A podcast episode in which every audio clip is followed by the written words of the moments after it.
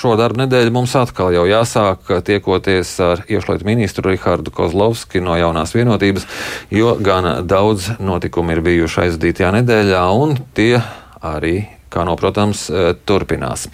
Labrīt! Labrīt. Labrīt! Vispirms sāksim ar to, kas ir noticis aizdītajā naktī, proti uz robežas. Kā, kā cik sekmīgi ir slēgti abi robežu punkti? Slēgti ir sekmīgi, bet uh, to, ko es gribētu varbūt piebilst, arī tajā laikā, kopš Latvijas valdība pieņēma lēmumu, tad attiecīgi arī paziņojot par to, jāatzīmē, ka Krievijas federācijas puses attiecīgie dienesti nu, ļoti tā gausi strādājies, tā var teikt. Proti, bija uh, nu, nevarētu teikt, ka daudz tomēr personu bija koncentrētas vientuļos, bet tomēr bija. Savukārt bija laiks brīži, piemēram, sestdien no 7.40 līdz pusdienas laikam, faktiski vispār neviena persona netika izlaista. Un tas tikai apliecina to, ka, ja mēs būtu atstājuši šo vientuļu robežu kontrols punktu šķērsošanai, visticamāk jau šodien, rīt, ja mums būtu situācija, kur būtu ļoti, ļoti daudz cilvēku un veidotos faktiski arī zināma riska drošībai. Bet nu, šobrīd uh, varbūt visi vēl to ziņu nav saņēmuši. Varbūt ir cilvēki, kuri ar kādu cerību vēl dodas uz tiem pašiem vientuļiem. Kā Latvija tam ir gatava, kā Latvija ir gatava atbalstīt tos cilvēkus? Nu, jau mēs uh, pirmkārt jau iedarbinājām zināmā mērā arī lūdzot atbalstu nevaldības organizācijas tika izplatīti dažādos sociālajos tīklos, ukraiņu valodā informācija, ka attiecīgi robežu kontrolas punkti tiks slēgti, kā arī to, ka pašlaik, kur vēl bija tās divas, nu, faktiski trīs dienas, arī tagad redzot, ka Krievijas puse ļoti, ļoti lēnām strādā, nu, droši vien acīm redzam apzināti. Uh, Tādēļ arī informējām, ka lūgumu attiecīgi nedoties uz šiem robežu kontrols punktiem. Bet, eh, kā man ziņoja arī no rīta eh, ģenerālis Pujāts, tad robežu kontrols punkti ir slēgti un nakts ir pagājis mierīgi. Personas faktiski ir devušās nu, arī prom no robežu kontrols punktiem.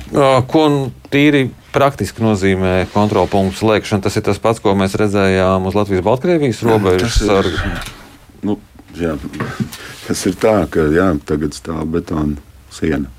Betona siena un robežsargiem tur uh, fiziski vai bez nu, skaidrs, ka, nu, attiecīgi, protams, ka ne jau tā pilnībā atstājot bez kontrols šo nu, vizuālās, bet jā, tātad šie robežsargi tiks novirzīti attiecīgi papildus spēkos uz zaļās robežas.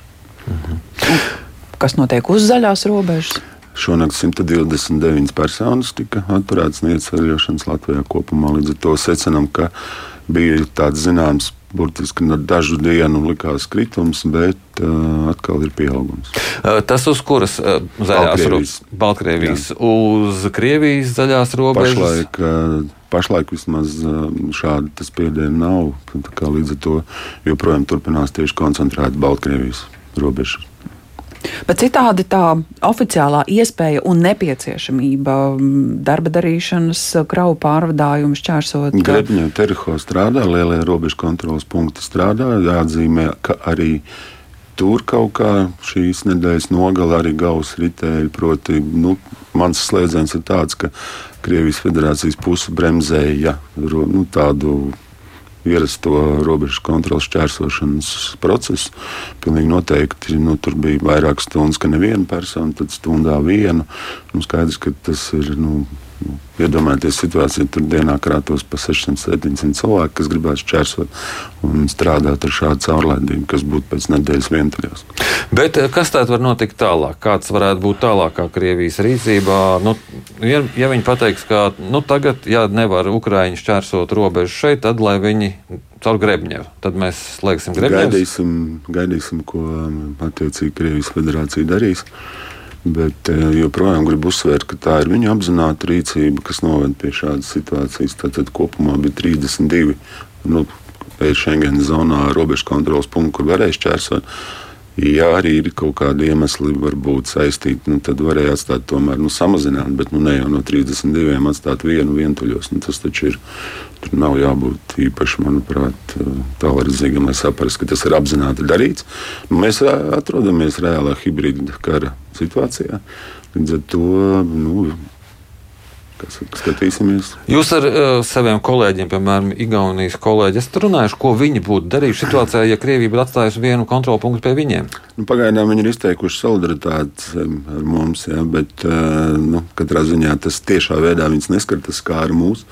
Līdz ar to es arī neizslēdzu, ka būtu zināms arī atbalsts, bet, uh, bet no, nu, Tas droši vien jāpajautā. Būs tāds jautājums, uh, interesants, bet nu, mēs viņu tiešām izsvērām no dažādiem aspektiem pirms pieņēmām, protams. Bet, uh, kā jau minēju, tas tomēr bija nu, neizbēgams lēmums. Mm. Ir vēl kāds jautājums, kas kopīgs gan mums, gan Igauniem, gan arī Lietuviešiem. Draudu vēstules skolām, un, ja pagājušo nedēļu šķita, ka tas ir tāds mēģinājums pārbaudīt, cik gatavi esam, tad nu jau izrādās, ka tas nav vienīgais.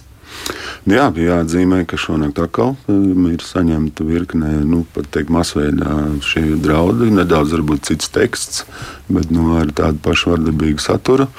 Uh, jau pirmie signāli bija 1.40 naktī. Uh, attiecīgi jau kons, nu, iestādes ir sazinājušās ar policiju.